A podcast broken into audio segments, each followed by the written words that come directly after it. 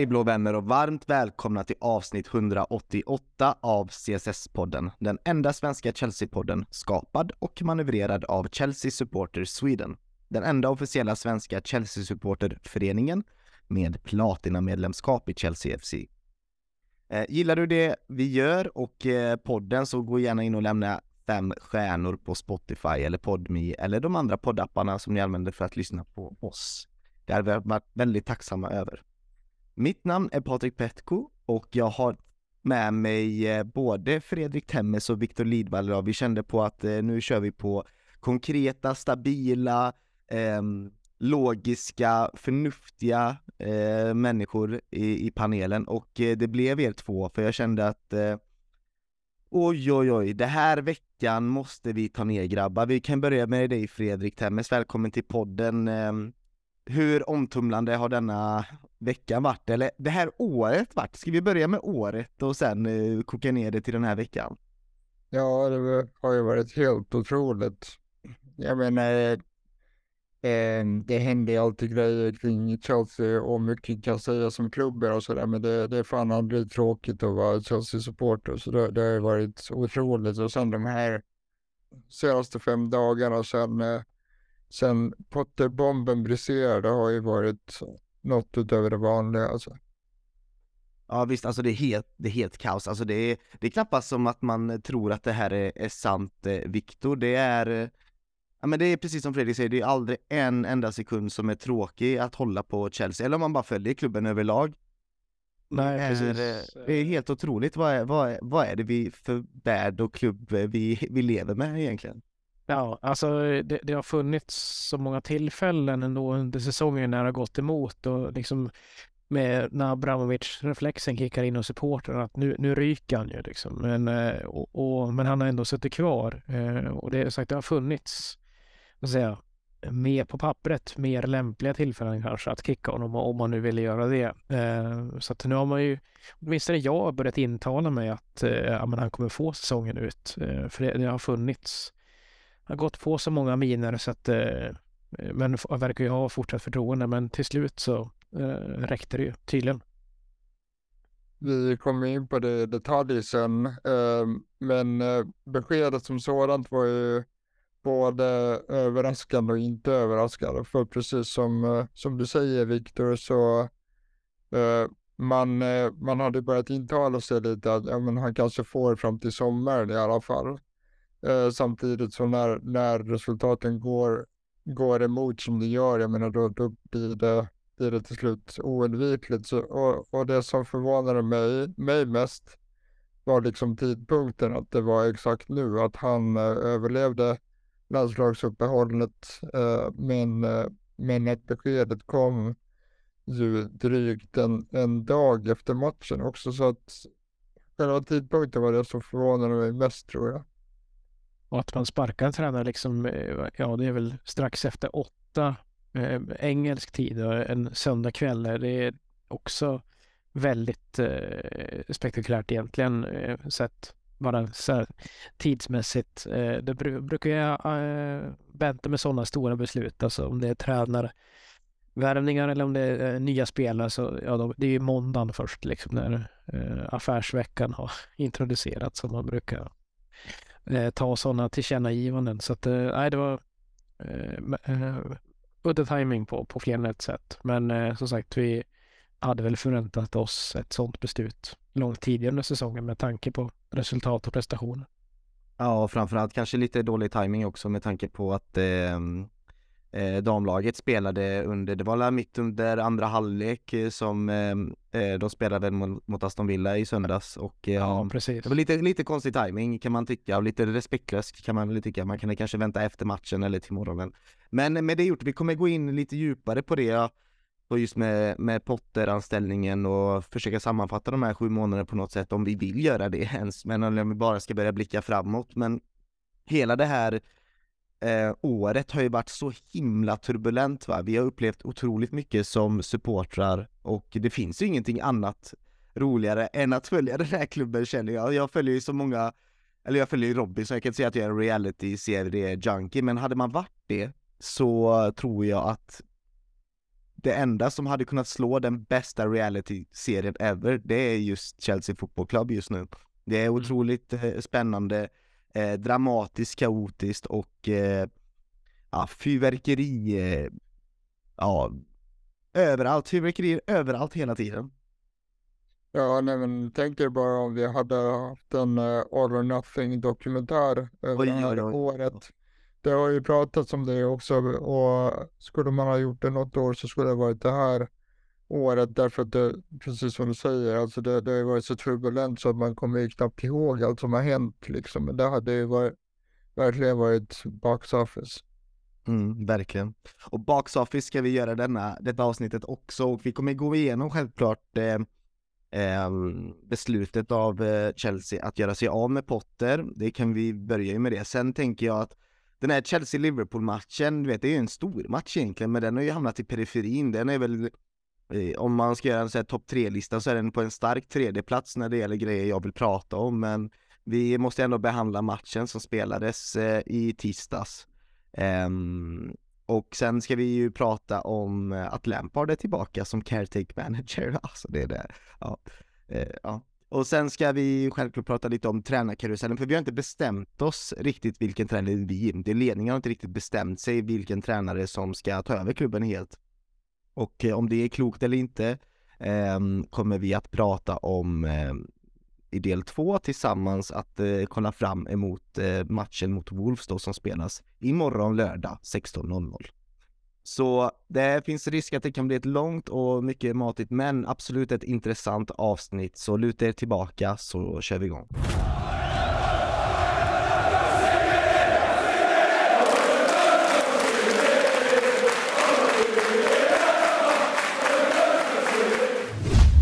Ja, Potter out. Då fick väl 80% utav Chelsea-skaran lite som de ville och nu killgissar jag väl lite att det är 80% men precis som du sa där Fredrik att det var kanske inte att det var lite överraskande men samtidigt inte. Jag tycker vi kan börja med den känslan lite ändå Fredrik för visst var det lite som att han eh, han hade ändå byggt upp en slags relation med, med oss supportrar som inte riktigt gick att reparera längre det fanns en stark, eh, ett starkt motstånd från fansen då, jag väljer att ha fansens perspektiv i detta. Ehm, och spelarna kan vi komma till efteråt, men från fansen kändes det som att nej, du, du, du, du hör inte hemma här Graham Potter, I'm sorry we like you eh, som en människa, men som tränare hör du inte hemma här och det spelar egentligen ingen roll om eh, du slår eh, Leeds eh, med 3-0 och sen slår Aston Villa och sen slår Eh, kanske, kanske slår ut Real Madrid eller Alltså det, det, det var en, han var kraftigt minus ändå.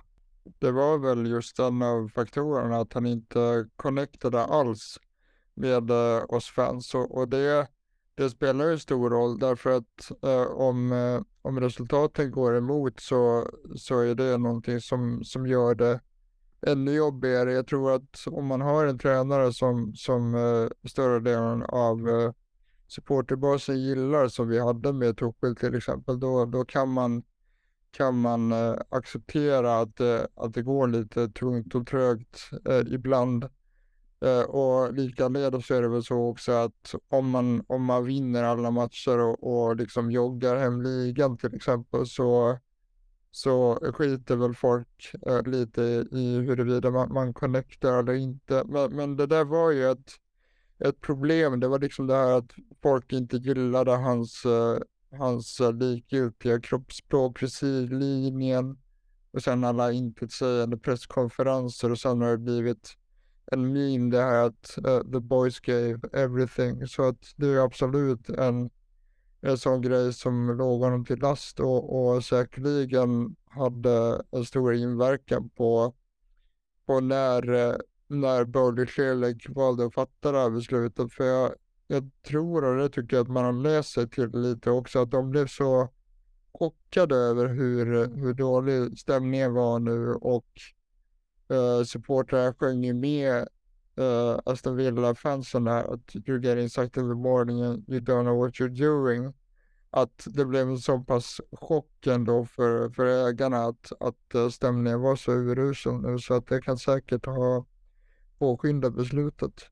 ja, men det, det som Fredrik är inne på lite grann där eh, förvånar mig. Alltså, med den här nya ägarkonstellationen och den, den sportsliga ledning som de har sett samman eh, och liksom pratar om att det ska vara datadrivet och liksom långsiktigt. Men det, det, det har ju sipprat ut nu, både i rapporter i The Athletic och The Telegraph, att eh, det, det, här, alltså supporternas högljudda missnöje har verkligen påverkat och överraskat eh, Bowley och kompani. Så att, eh, ja, det, det är förvånande för mig att höra egentligen att det har vägt så pass tungt egentligen i beslutet, eller påstås i alla fall ha gjort det av de här korrarna som, som följer Chelsea närmast. Mm, och det blir ju nästan eh, ännu mer tydligt när man också väljer att ta då Lampard som en ja, med caretake manager, att det blir någonstans att man vill rekindla sin, eh, ja, med sin relation till fansen lite och eh, ja men det är lite populistiskt kanske, men det kommer vi väl in, in på senare när vi ska prata om Frank Lampard. Men eh, varför tror du just eh, då Viktor att det var matchen mot eh, Villa som var droppen? För om man då hade bestämt sig för att, eller om detta ändå låg i kikan på något sätt, för det har väl sipprat ut lite från Kristoffer Vivell att han inte riktigt var övertygad av Graham Potter redan i januari. Jag minns att vi behandlade det i något avsnitt eh, någon gång där eh, tidigt i eh, februari eller om det var sent i januari någon gång också. Eh, varför väntade man till efter ett, liksom ett landslagsuppehåll? Vad var det man, var det, nog, var det att han inte såg liksom att laget var mm, kohesiv efter ett landslagsuppehåll där man hade tränat ihop sig lite mer? Eller varför tror du just att det var den matchen som var droppen? Ja, det är svårt Eh, att säga. Som sagt, vi har varit inne på, på det att eh, det, det har funnits tillfällen som har varit eh, lämpligare egentligen nu, så säger, traditionellt perspektiv att, att göra ett tränarskifte. Eh, och, och det är väl förståeligt i sig att vi väl kanske inte till 100% backar en tränare som han inte har tillsatt i och med att han kom in flera månader efter att Potter hade fått jobbet. Eh, men enligt Simon Johnson då på, på The Athletic så är det ju dels mot Spurs men också tidigare eh, mot eh, förlusten mot eh, Southampton som egentligen har börjat gnissla ordentligt i, i eh, ledningen och och, och, det vet vi ju alltså alla som följer Chelsea att eh, prestationer och eh, framförallt resultat har ju inte levt upp till de krav som, som vi ställer. Men eh, det, det har ju framstått som att den sportsliga ledningen har verkar haft överseende med båda de här eh, Eh, säga, variablerna. Att eh, han, han ska få fler chanser att, att få ordning på grejerna. Eh, det, och sen eh, det de rapporterar om också är ju att eh, man har hört sig för eh, med Frank Lampard om hans status redan efter förlusten mot eh, Dortmund i Champions League i första mötet i åttondelsfinalen. Så att, ja, det jag också har, har läst till mig varför det just händer efter Aston Villa, det är väl någonstans att Paul Winstanley och hans direktörskollegor lite grann har stämt i bäcken med med ägarna att eh, de har fått nog. Eh, men sagt, det med tanke på den samlade erfarenheten som finns i den ledningsgruppen så känns det ju konstigt att eh, precis efter ett landslagsuppehåll komma till, till det beslutet. Innan jag släpper in dig Fredrik så måste jag ändå säga att liksom hade Modric satt sina chanser där mot Villa så hade vi nog haft kvar som Potter som tränare idag va? Känns så. Det, Ja, det, det, är ju, det är ju bevisligen ett beslut som har, har vuxit fram, men det, det är också väldigt små marginaler som, eh, som kan, kan göra stor skillnad. Det tycker jag också att man har läst sig till lite att jag tror inte att Bollier Baller liksom var övertygad om att sparka Potter först, men så hade man ju haft det här eh, krismötet tror jag runt tre tiden där på, på söndagen och då hade hade just eh, Vivell och Will Stanley och eh, Laurie Stewart eh, lagt fram eh, rent empiriska bevis genom data och liksom titta här, det, det fungerar inte och, och under det mötet då så ska, ska börja övertygas om man, om man tror på, på de uppgifter som har, som har framkommit. Så att det, det skulle kunna vara det. Men eh, som jag redan varit inne på också så tror jag att det var just den här starka eh, åskådar eh, reaktionen som, som påskyndade beslutet och liksom gjorde att det kom just nu. Att man någonstans kände att nej det här funkar inte längre. Om, eh, om supportrar är så mycket emot så är det lika bra att vi gör det nu. Även om det skulle varit en eh, lite större minoritet då som hade velat ha kvar Graham Potter som tränare så känner jag att man har fullföljt ändå de direktiven man har eller den filosofin man har ålagt sig att följa då, Viktor. Du sa det här att ja, men det skulle vara datadrivet och analyser och det, det är precis det som har hänt här nu då, visade det sig vara. För att vi måste komma ihåg att när Graham Potter anställdes så fanns det bara en tupp i den hönsgården och det var eh, Gra- eh, Todd Bowley. Och det var ju faktiskt han som var sportchefen och den tekniska direktören och eh, egentligen eh, tillsammans då med Bali tog alla beslut eh, om vad som eh, skulle vara klubbens framtid, både när det gäller Tuchel och att anställa Graham Potter då, så det är egentligen nu vi får se vad ska man säga, det är nu vi faktiskt får se vad det är för typ av klubb vi eh, kommer att bli då. Eh, det var liksom en halvsanning av det som hände i somras och i höstas då kanske. Ja, och jag har ju tillhört, eh, vad ska jag säga, Potter-ringhörnan i, i den här podden och är också lite nedstämd över det faktum att han fick gå. Så är det ju. Men sen också vad gäller den här datadrivna att utöver de, de faktiska resultaten och, och bristen på segrar och, och, många kryss och, och förluster, eh, målskillnaden, alltså de, de de, den statistik som faktiskt betyder någonting. Det har ju inte funnits särskilt många underliggande djupa metrics som har eh, eh vad säga, motiverat att behålla Potter heller. Han, hans fotboll har ju inte varit eh, något som varit bländande liksom varje vecka men som inte fått med sig eh, liksom det, det lilla extra avgörande. Eh, men eh, det, det har klart funnits sådana matcher också och det är också en ineffektivitet som fanns innan Potter kom till jobbet. Men eh, nej, det, vad gäller det här datadrivna approachen så finns det ju inget från det, eh, den sidan av debatten som eh, motiverar att behålla Potter heller. Det, det inser jag också.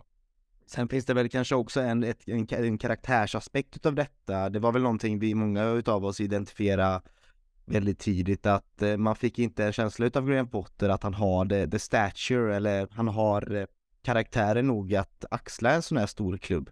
Um, och det var, var, väl det som var bland den, den första frågeställningen och vi supportrar samt eh, journalistkåren ställde sig, bara, är Graham Potter verkligen eh, stod nog att hantera en sån här klubb? Och det, mitt perspektiv, så som jag tolkade det, var ju att han blev uppäten av klubben. Han, eh, det här orkade han inte alls med och eh, han kan komma med ursäkter att det har varit VM och eh, att han har haft spelare skadade och att drottningen dog och hit och dit. Men kolla Aston Villa, sen Emery tog över Aston Villa så har de klättrat från, vad var det, 17 plats till att gå om oss nu förra veckan. Så, och han tog över faktiskt efter Graham Potter. Det var i december han tog över.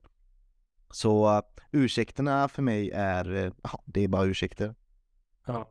Jag, jag var ju en som lite grann inte köpte in mig på det här debatten om, om kroppsspråket på sidlinjen. Jag eh, kan lite grann inte bli mindre, även om jag verkligen uppskattar Conte och Simeone-typerna liksom, som verkar lever rövare och, och, kan, ja, och såklart José Mourinho som kan eh, starta upplopp där med, med lite vem, vem som helst. Ja, men det är inte riktigt det jag pratar om. Jag pratar om det här, du vet den här eh, respekten, du vet, alltså Ancelotti ingjuter någon slags respekt där, någon ledarroll, att han är alfa, det är han som bestämmer liksom. Är du med? Ja, precis. Jo, men det, jag skulle nästan komma till det att eh, det är lite det här tankeexperimentet. Ja, men, eh, när, när Zidane var i Real Madrid, ja, men om han skulle byta jobb då med Sam Allardyce i West Ham, skulle båda, eh, någon av tränarna liksom få ut någonting som de får ut där de är nu? Att det, det kanske så att man får finna sig att det finns olika typer av tränare för olika typer av uppdrag. Att ja, Zidane är bra på att eh, bevisligen plocka Champions League-titlar och inte så mycket annat. Att han ska ha världens bästa trupp och världens största egon. Eh, och att eh, om man skulle sätta honom i ett mid-table-lag så hade det inte funkat lika bra och, och vice versa.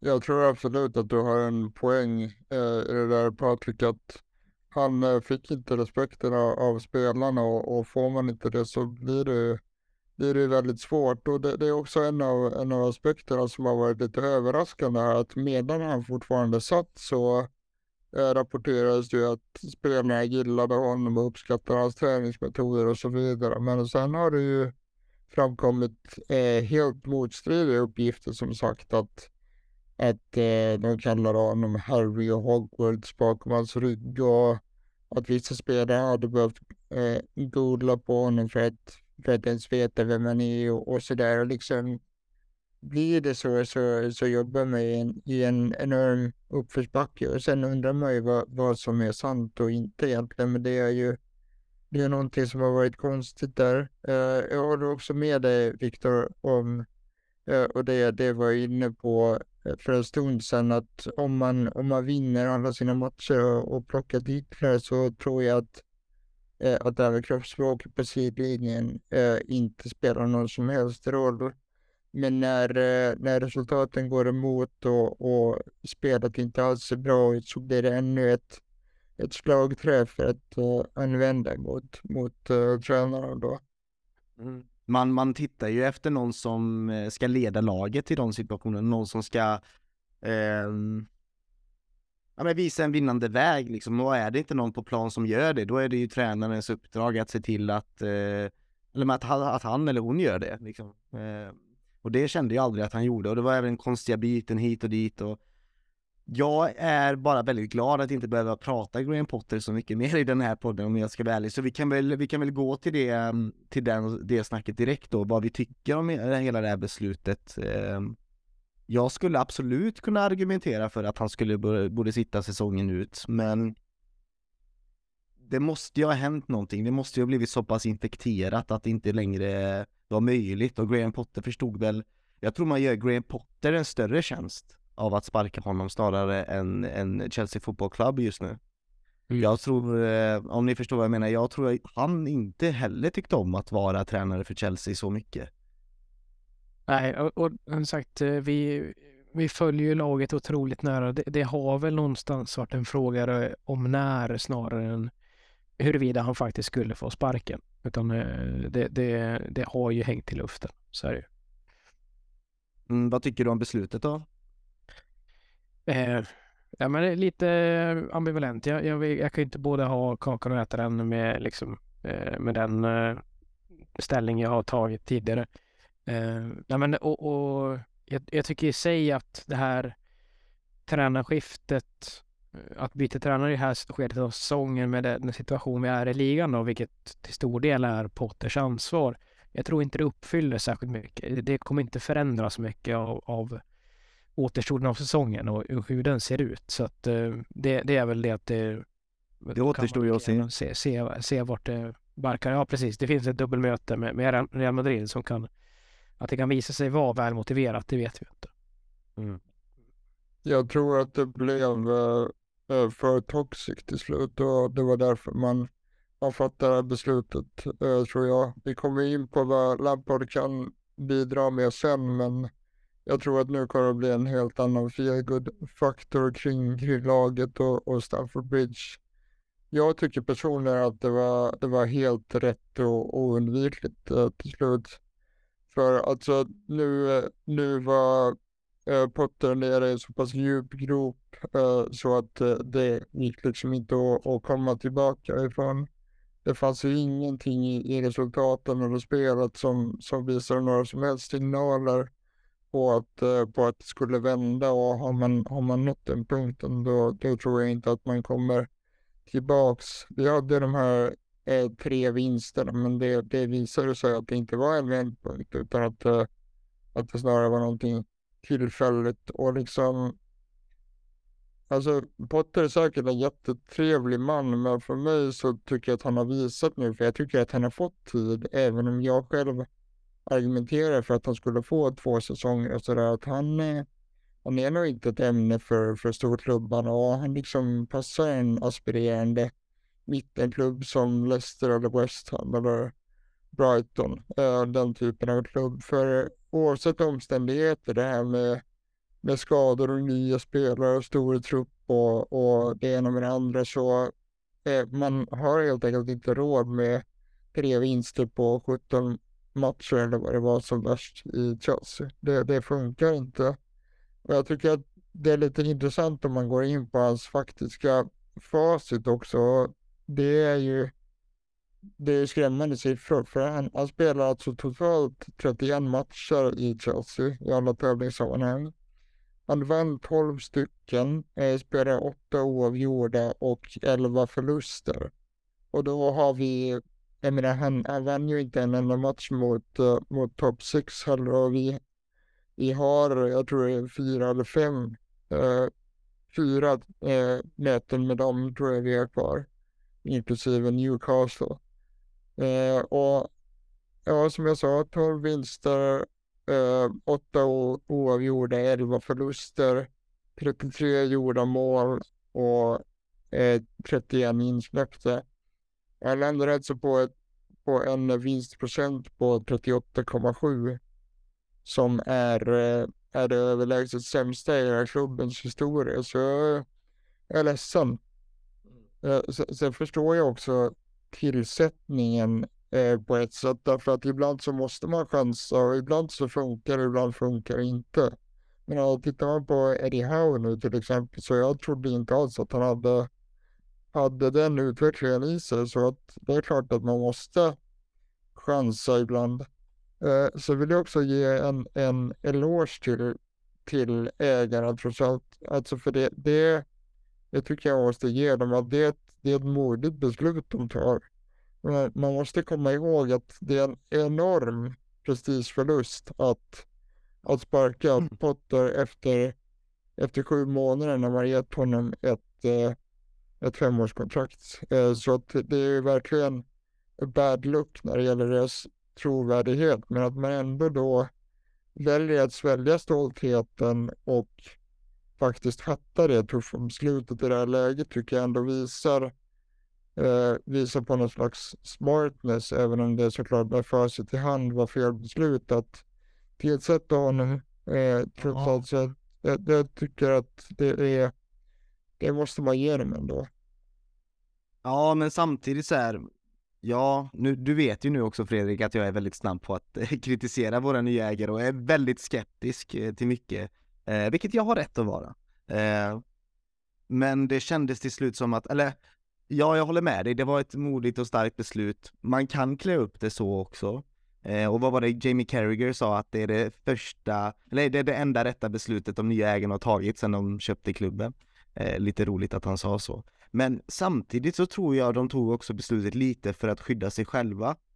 För att jag fick uppfattningen av att en del av supporterskaran hade vänt sitt Potter-missnöje mot just eh, ledningen och ägarna. Eh, och att det kom ut mycket clownbilder på, på Todd Bowley och det började göras mycket memes om honom och jag ska inte säga att Twitter-sfären representerar Chelsea-communityt på något sätt ute i världen, men det var ändå mycket starka röster mot och kritik mot Bowley att nu får du svälja din stolthet och så ja, det är, det kan ju också vara lite för att skydda sig själva eh, faktiskt.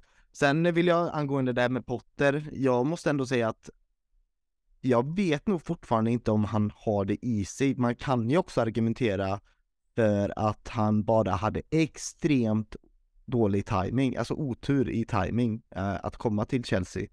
Och att förutsättningarna var så himla mycket mot honom att han mentalt inte kunde klara av det. Eh, jag tycker det fortfarande finns en eh, ljus eh, fotbollsframtid som honom som fotbollstränare oavsett om det skulle vara i West Ham eller liksom ett Tottenham hade han nog kanske kunnat passa i också projekttränare eh, sådär. Så ja, det, det, jag vill inte hålla det här, det, the tenure of, i honom i Chelsea för mycket mot Graham Potter, även fast jag inte tycker att han eh, borde stanna hos oss då, så i, en annan, i ett annat alternativt universum hade han kanske passat hur bra som helst hos oss, men inte just eh, nu då i, det, i den här kaosiga stämningen som var. Eh, det vill jag bara säga att jag, jag tycker absolut inte att eh, Graham Potter är en dålig eller värdelös tränare och det är klart att att du har rätt i det du säger att uh, hade omständigheterna varit annorlunda så kanske. Och sen förstår jag också det här du säger om att man, man gör det för att skydda sig själva.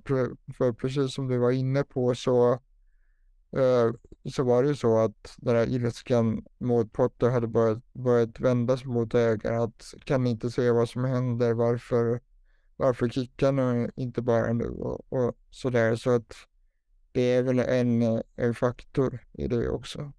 Mm. Så jag önskar Graham Potter all lycka till och han är en trevlig figur liksom. Men eh, han var uppenbarligen inte, inte rätt man för oss. Inte just nu i alla fall.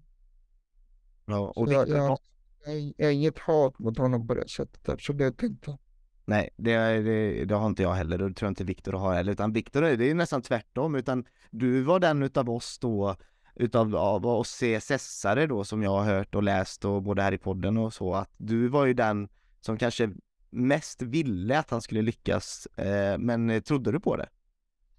Eh, Men det är klart jag trodde på det och, och när vi pratar om eh, vad, säga, vad han ska ta sig för här nu så nu kommer han ta ett sabbatsår eller att eh, han eh, verkligen väntar innan han tar sitt nästa uppdrag. Men eh, vad ska jag säga, tre av fyra eh, tränaranställningar han har haft har ändå varit ett slags hit om du frågar respektive lagsupportrar. Mm. Eh, så att eh, han kommer nog landa på fötterna, det tror jag säkert. Sen kanske han är eh, lite bränd av vad gäller det absoluta toppskiktet av fotbollen, både liksom från sportchefers håll och sin, sin egen inställning till säga, den här allra mest cutthroat eh, affärsrörelsen eh, rörelsen som det är.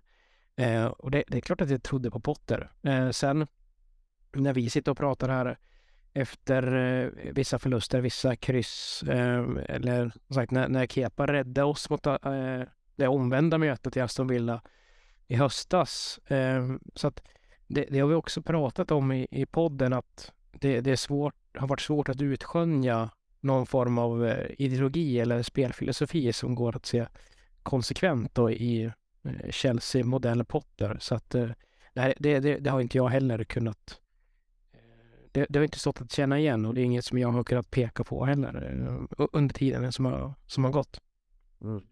Men vi önskar Potter all lycka till i sin framtida fotbollstränargärning och eh, hoppas han inte hatar oss Chelsea-fans alldeles för mycket även fast jag kan förstå att han är lite trött på Eh, de höga kraven vi har. Men det ska vi ha för vi, eh, vi ska slåss om att vinna och vara bäst i världen. Eh, men med det så tycker jag att vi raskt eh, pratar ner lite där Chelsea-Liverpool. Jag vet att vi har lite tid kvar utav den här inspelningssamtalet men Chelsea-Liverpool Bruno Saltor står där, det har varit tränarrykten i två dagar i sträck nu ehm, med Julian Nagelsmann och Enrique, men då står Bruno Saltor där då tillsammans med Björn Hamberg. Och då trodde man, åh nej, ska de liksom ta över här? Billy Reed och Graham Potter. Eh, Frösöns IF. ja, det var lite häftigt ändå, men man tänkte, eh, är det, är det de här som ska liksom hålla i laget nu resten utav eh, säsongen? Var jag lite orolig över faktiskt. Ehm, men alltså kort, same old, same old va? Och, I den här matchen. Vi är det bättre laget, Liverpool liksom respektlöst roterar hela backlinjen känns som och eh, Salah får inte ens starta. Eh, Klopp är också förståeligt väldigt förbannad också på så att, att han inte får ut det mesta av sitt lag just nu och de underpresterar, underpresterar något eh, enormt också. Så det var ju en liten eh, ja men ödesmatch, inte ödesmatch men det var en väldigt eh, tom match. Det var inte samma uppbyggnad som en Chelsea-Liverpool-match brukar ha utan det var två lag i, i varsin kris och ett identitetssökande. Men vi var det bättre laget återigen, vi skapade chanser. Men ja, same old, same old eh, Fredrik. Kai Havertz missar. Joao Felix gör allting perfekt fram tills att han kommer fram till ehm, eh, straffområdet och sen eh, slutar matchen 0-0. Ja, det är klart att det är extremt enerverande när, när eh, samma mönster återupprepas och, och man ser att våra spela vissa chans efter chans för vi, vi skulle ha, ha vunnit det där. Eh, men det är inte så konstigt att det blev så här mål med rest från Potter eran egentligen. Men det, det är ju inte Bruno Saltors fel att, att Kai Havertz missar tre lägen.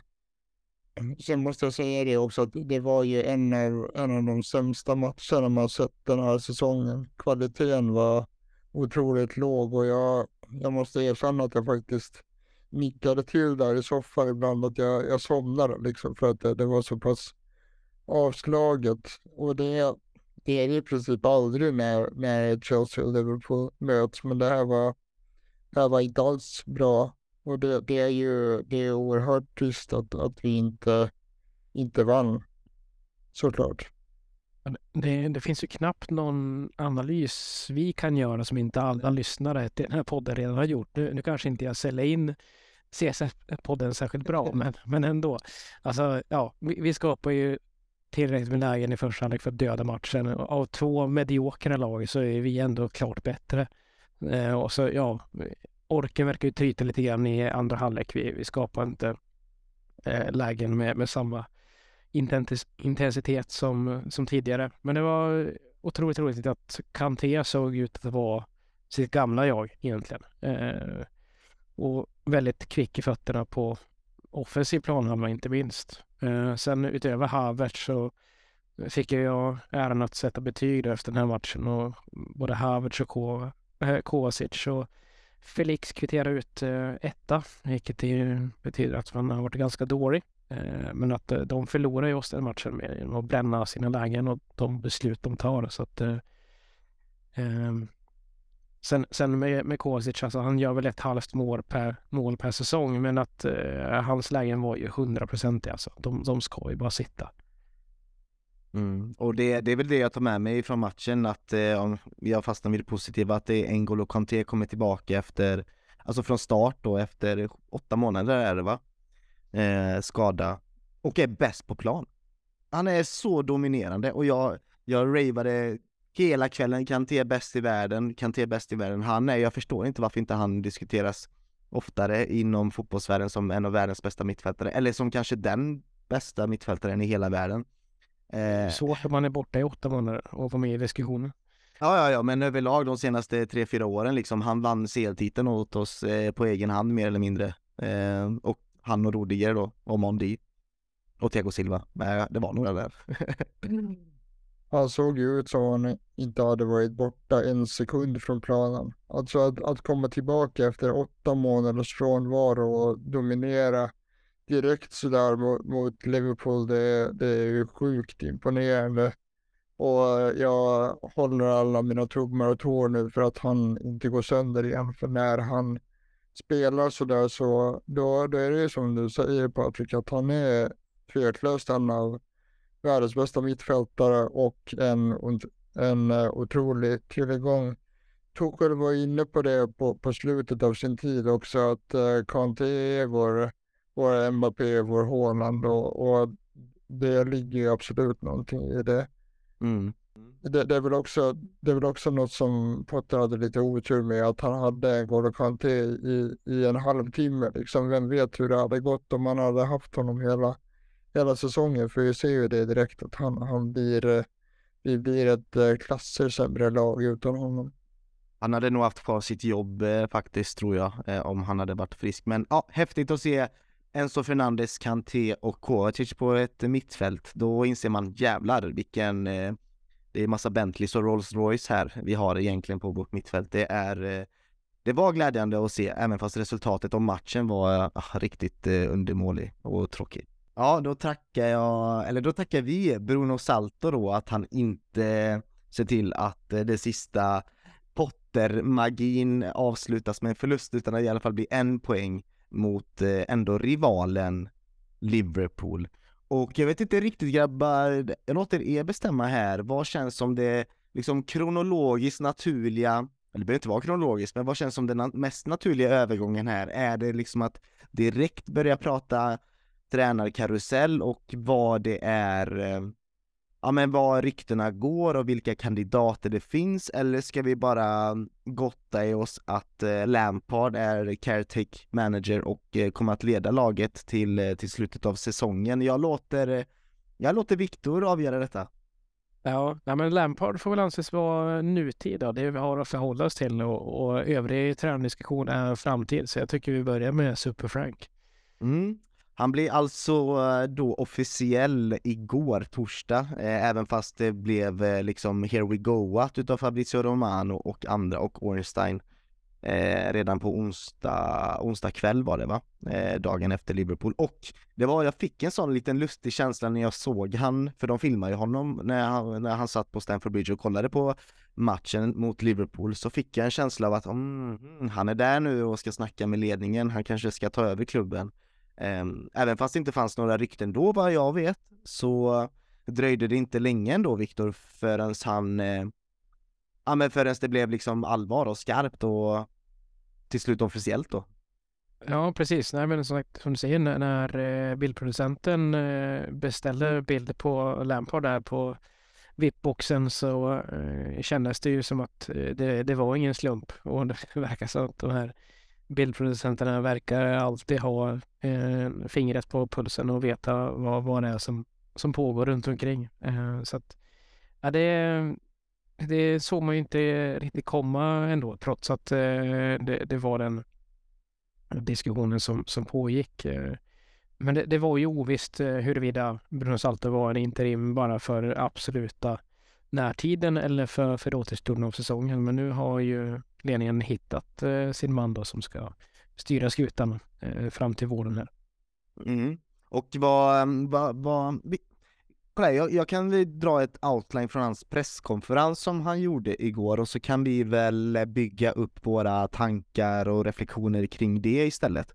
Eh, tycker jag känns eh, lämpligt. Så jag, jag börjar med att säga att han kommer in där, för det första kommer han in där med ett leende och sätter sig i stolen. Och det, redan då känner jag att wow, det här är bland det finaste jag sett på hela säsongen från Chelsea-håll en, en, eh, en tränare och en, framförallt en Chelsea-karaktär som är otroligt stark eh, i våra hjärtan. Eh, bara sätter sig där och äger rummet och bara njuter av att vara mitt i kaoset. Eh. Jag tror han som människa inser hur absurd situationen är. Liksom. Så jag tror att det leendet kommer därifrån också. Inte bara att han är så tillfreds med att vara tillbaka på Stamford Bridge. Ja, men jag minns att jag firade som ett mål. Alltså jag gjorde det när jag såg han sätta sig i stolen och le. Då var jag, jag bara yes! Han ler och du vet, det känns så rätt och det känns så bra. Men ehm, ja, vi kan ju säga att han bekräftar ju att han har tagit rollen som tillförordnad tränare för Chelsea och är tacksam för möjligheten, alltså caretake manager. Han uttrycker sin kärlek och passion för klubben och övertygar om att han kan hjälpa laget i denna period fram till säsongslutet då. Eh, Lampard förklarar att hans fokus kommer att vara på att skapa en positiv inverkan på laget och att hans framtid efter säsongen inte är något han vill spekulera i. Eh, han är eager, alltså ivrig, att samarbeta med den talang som finns i truppen och förbättra lagets prestationer, särskilt när det gäller målskyttet. Eh, Lampard diskuterar också Mason Mount, that is home Mason, eh, situationen och säger att han ser fram emot att prata mer med honom eftersom han anser att Mount är en väldigt viktig spelare för Chelsea. Eh, Lampards mål är att stärka spelarnas självförtroende och få dem att spela med passion och energi för klubben. Han vill vinna så många matcher som möjligt och tror att laget har potential att göra bra ifrån sig både i Premier League och i Champions League. Eh, Lampard betonar också att fokus kommer att vara på att ta en match i taget och inte tänka så himla långt framåt. Eh, till sist riktar Lampard ett meddelande till Chelsea-supportrar och försäkrar om att han kommer göra sitt yttersta för att ge dem ett lag de kan vara stolta över. Och han ser fram emot att återigen kliva ut på Stamford Bridge och är stolt över att leda klubben som tränare. Eh, Temmes, känslan av att Lampard eh, är tillbaka? Det är väl eh, lite tudelat. Eller det, det, är klart att eh, supporterhjärtat bultar ju och man är, man är euforisk. Och jag känner liksom att om vi nu ändå bara ska avverka säsongen så gör jag det klart hellre med Lampard än med Bruno Saltor. Eh, och alltjämt så tror jag att han kommer ge oss en större chans mot eh, Real än vad Bruno hade gjort. Och Lamps själv har ju absolut ingenting att förlora. Eh, för jag, jag, har, jag har egentligen inga förväntningar nu utan vi vi tar oss an match efter match och ser hur det går. Eh, så jag tycker att alltså det, eh, vi pratade lite om det tidigare, men det, det är såklart ett superpopulistiskt beslut. Men jag tycker ändå att det, att det är smart om man nu skulle ha en interimtränare. För det var ju tydligt att eh, Bruno själv ville inte vara kvar och var inte rätt man. Och vi eh, snackar om det också att Bali och Ebali vet nog att de ligger på minus hos många fans. Inte hos mig, men hos många andra. Eh, så då, då var det en väldigt smart tillsättning och om någonting så kommer ju Lampard att, att uh, komma med en eh, feelgood faktor kring, kring laget nu och det kommer ju vara roligt att, att uh, faktiskt se Chelsea spela nu. För som sagt, vi, vi kan inte ha så höga förhoppningar längre och det blir svårt mot Real. Vi har många svåra matcher kvar i ligan. Nu ska vi, ska vi ändå ha en tung avslutning på säsongen så ser jag hellre att vi, att vi gör det med, med Frank Lampard som man ju älskar. Eh, som spelare vill jag understryka. Jag eh, är inte säker på hans, eh, hans tränarkapacitet. Och det, det vill jag också bara slänga med här nu att det är otroligt viktigt att vi, att vi inte gör samma misstag som Man United gjorde med Ole Gunnar Solskjaer. Att, att eh, resultaten går med och vi ger honom ett, eh, treårskontrakt bara sådär. Utan jag tycker att vi, vi måste Liksom, vi måste nu liksom se på det här nyktert och inte, inte kastas med i, i rena, rena vibes utan vi, vi måste tänka smart och sunt när det gäller nästa tränartillsättande för jag, jag, tror inte på, på lång sikt att det hade varit rätt. Men eh, här och nu så tycker jag att det är ett eh, smart beslut. Även om jag hellre hade velat, velat ha in en, en permanent tränare direkt. Men jag, jag förstår också det att, att eh, man, eh, man väljer att ta det lugnt och ta en god tid på sig därför att eh, Bordeaux Valley vet nu också att de måste sätta nästa tränare direkt. Eh, så då är det också bra att man, att man tar sin tid. Så sett i kontexten så är jag superglad som supporter att Lampard tränar så och all things considered så tyckte jag att det var rätt ändå. Även om det var väldigt överraskande. Mm. Ja, jag, jag håller med faktiskt mycket du säger det Fredrik, framförallt att jag är glad och att jag Eh, tycker också att det var det rätta beslutet att göra och visst, man kan tycka att det är populistiskt men eh, det är också det rätta beslutet att göra för det kan ena fansen, det enar laget, eh, skapa vibes och man ska inte underskatta vibes. Vibes är viktigt, man kommer långt med bra vibes. Eh, sen håller jag inte med dock om det här med att eh, jag hellre hade velat ta in liksom en eh, Luis Enrique eller en Nagelsmann redan nu, för då känner jag att de har mer att eh, förlora av att ta laget nu än till sommaren.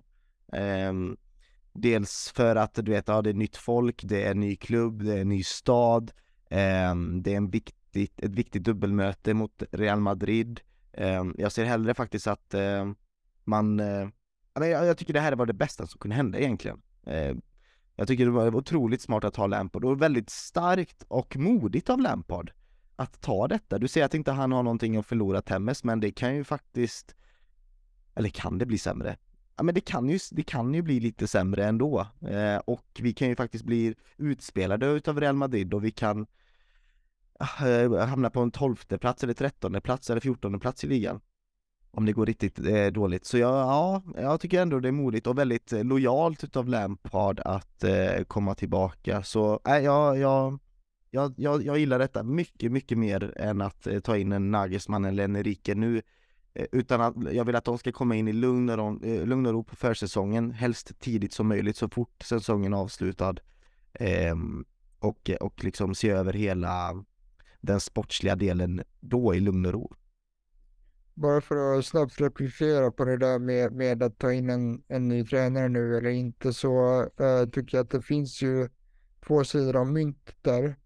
Eh, du har absolut rätt i det att, att eh, det kanske inte är en optimal situation att, att ta in en tränare på så vis att Säg nu att de skulle gå och torska mot, eh, mot Real stort och vi förlorar mot Man United, Arsenal och Newcastle. Jag menar då, då jobbar de eh, i motvind eh, direkt. Men eh, det går också att, att vända på det där och säga att eh, om de hade kunnat komma in nu och eh, liksom få 10-11 matcher på sig att utvärdera truppen så skulle de ju få ett bättre läge sen att komma in i, i försäsongen och veta exakt eh, hur de ska agera på transfermarknaden. Så man hade kunnat vinna lite tid på det. Eh, kommer man in på försäsongen så måste man fortfarande liksom titta på spelarna och erbjuda och hur de är som karaktärer och sådär. Eh, så jag, jag, ser, eh, jag ser två sidor av det, av det myntet. Så jag, jag har inte, inte heller ett jätteproblem med, med att det blev en interimlösning nu. Det, jag, jag köper det som jag, som jag sa.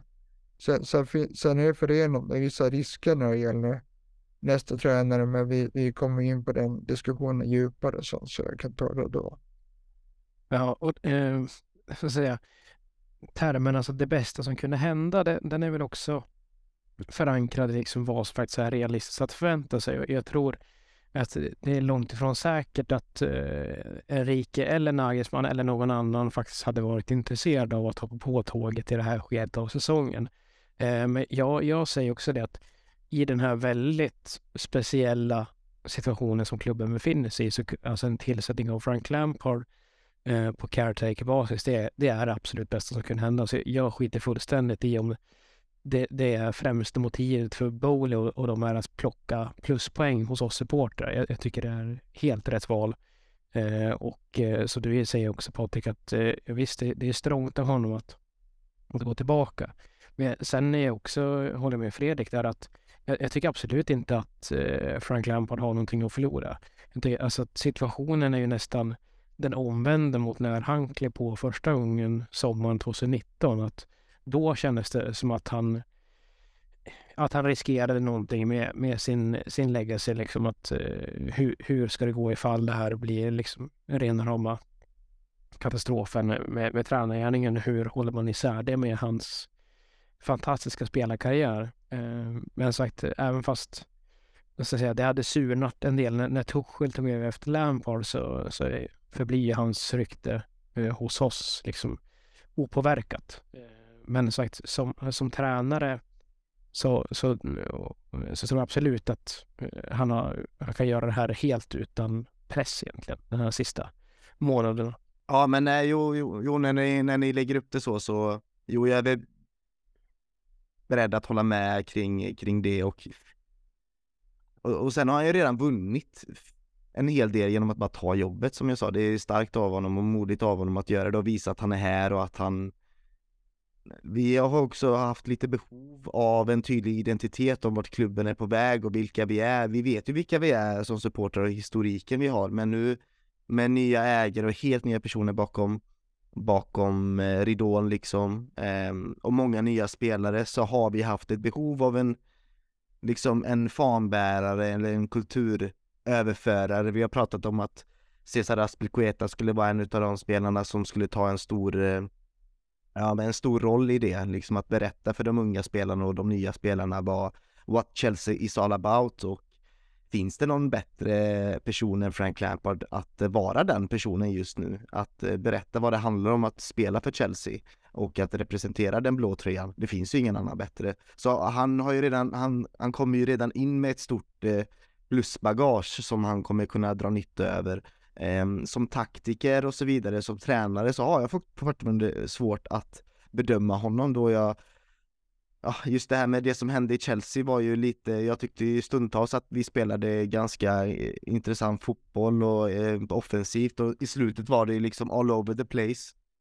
Sen i Everton, det var ju ett självmordsuppdrag från första början att ens ta det jobbet. Så jag vet inte riktigt om man kan bedöma hans gärning där, förutom att han då räddade kvar dem förra året. Eh, det är väl det man kan ta med sig. Jag tycker vi ska nämna det också att eh, det är förmodligen inte bara han som kommer tillbaks.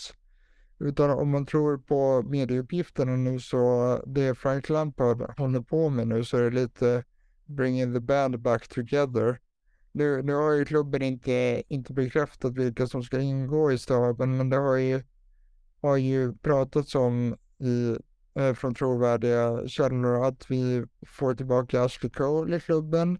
Vi får tillbaka Joe Edwards och Chris Jones, eventuellt John Terry om eh, Frank, Frank Lampard vill och eh, Paul Clement som, eh, som ju jobbade länge i klubben och som Ancelotti tog med sig till eh, Real och PSG.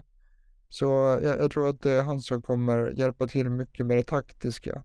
Sen kan man nämna det också att eh, vi kommer förmodligen att förlora Anthony Barry som ju är, är lite persona non grata så länge, så länge uh, Bayern München och Chelsea och förhandlar om, om, eh, om kompensationen för honom. Men, men jag tycker det är kul att, att se så många profiler och duktiga tränare tillbaka. Och eh, kan vi inte bara liksom gå all out nu och plocka in eh, Peter Cech och, och Didier Drogba och hela gänget liksom. Ja, tack. Så, så jag, tycker det är, jag tycker det är väldigt kul att vi ser många, många profiler tillbaka i klubben. Mm. Gör man sig av med dem i sommaren eh, som, de, som Bowley gjorde så skapas det ett vakuum där. Eh, överföringen har väl gått ganska lite för fort. Mm, och nu känns det som att nu är vi tillbaka till något normaltillstånd. Men alltså det, alltså det är ju sjukt det här att han blir sparkad mer eller mindre i samma skede för två år sedan. Eh, inför en kvartsfinal var det va? Eh, för eller var det inför kvartsfinal? Ja men det var inför kvartsfinal och match innan, matchen innan Wolves. Så blev han sparkad. Så han fick aldrig spela den Wolves-matchen utan det är ju, eh, det får han göra nu på lördag, alltså imorgon.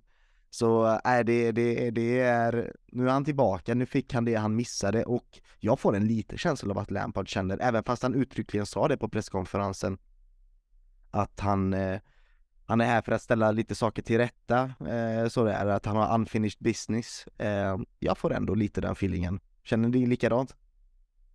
Ja, och sen har också den eh, aspekten nämnts, så egentligen bara spekulationer eh, lite grann, men att eh, där finns ju en tränare som inte är rädd att ställa spelare åt sidan, som inte är intresserad av att använda. Eh, och sen är det också frågan om man ska ge den eh, makten till en tränare som bara kommer vara här i, i två månader och ha ja, 11, 13, 14 matcher på sin höjd. Men eh, det, det, det känns som att det är ju oavsett så är det någonting Chelsea kommer behöva i sommar, att göra en rejäl utrensning. Så om han kan hjälpa till att göra de valen lite enklare så är det inte mig emot. Det är väldigt intressant det där nu, för jag tror att vi kommer, kommer eh, en av de mest eh, spännande grejerna med hela, hela utnämningen är, är ju laguttagningsmässigt, för han, han nämnde också det på presskonferensen att nu har alla en eh, clean slate. Och vi vet ju att han har en historik av att spela med mer konventionella strikers och, och varenda konventionella striker har varit utfryst nu. Men, men finns det liksom en väg tillbaka för, för Orban nu ändå? För han förlitade sig väldigt mycket på Tammy Abraham och eh, Giroud när, eh, när det var hos oss. Så ja, alltså jag, jag, vill väl inte att det ska ske riktigt, men kan det liksom bli nya chanser för eh, Ziyech och eh, Åbo till exempel. Sen, sen vill jag också hamra fast det att eh, Mason Mount kommer spela precis varenda match nu. Mm.